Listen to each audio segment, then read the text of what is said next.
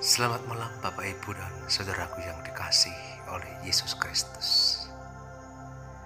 Kembali saya menyapa saudara melalui firman Tuhan sebelum saudara semua istirahat di malam hari ini.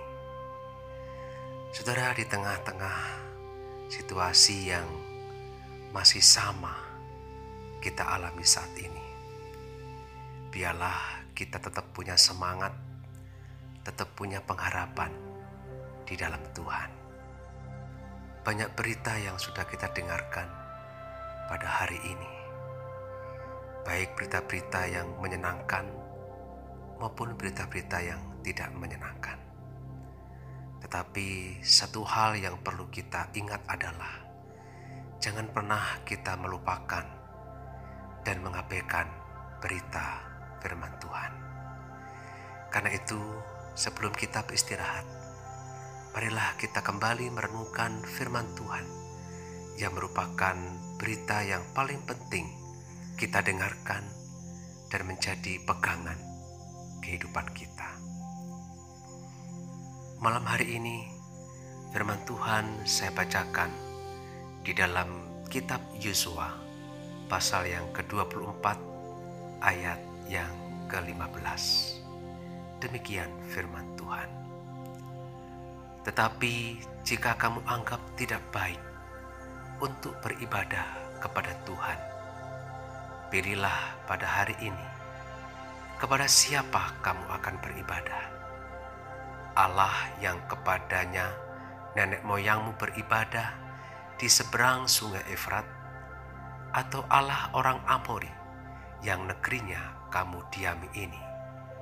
Tetapi aku dan seisi rumahku, kami akan beribadah kepada Tuhan.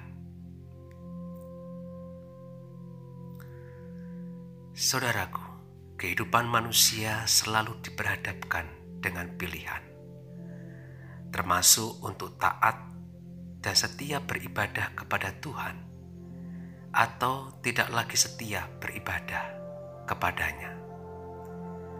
Pilihan beribadah kepada Tuhan bukan semata-mata kerajinan kita melakukan ibadah, tetapi ketertundukan kita kepada Tuhan. Itulah ibadah yang benar dan sejati. Mari saudara sekalian, kita berdoa. Ya Tuhan, tolonglah aku agar tetap setia dan taat beribadah kepadamu.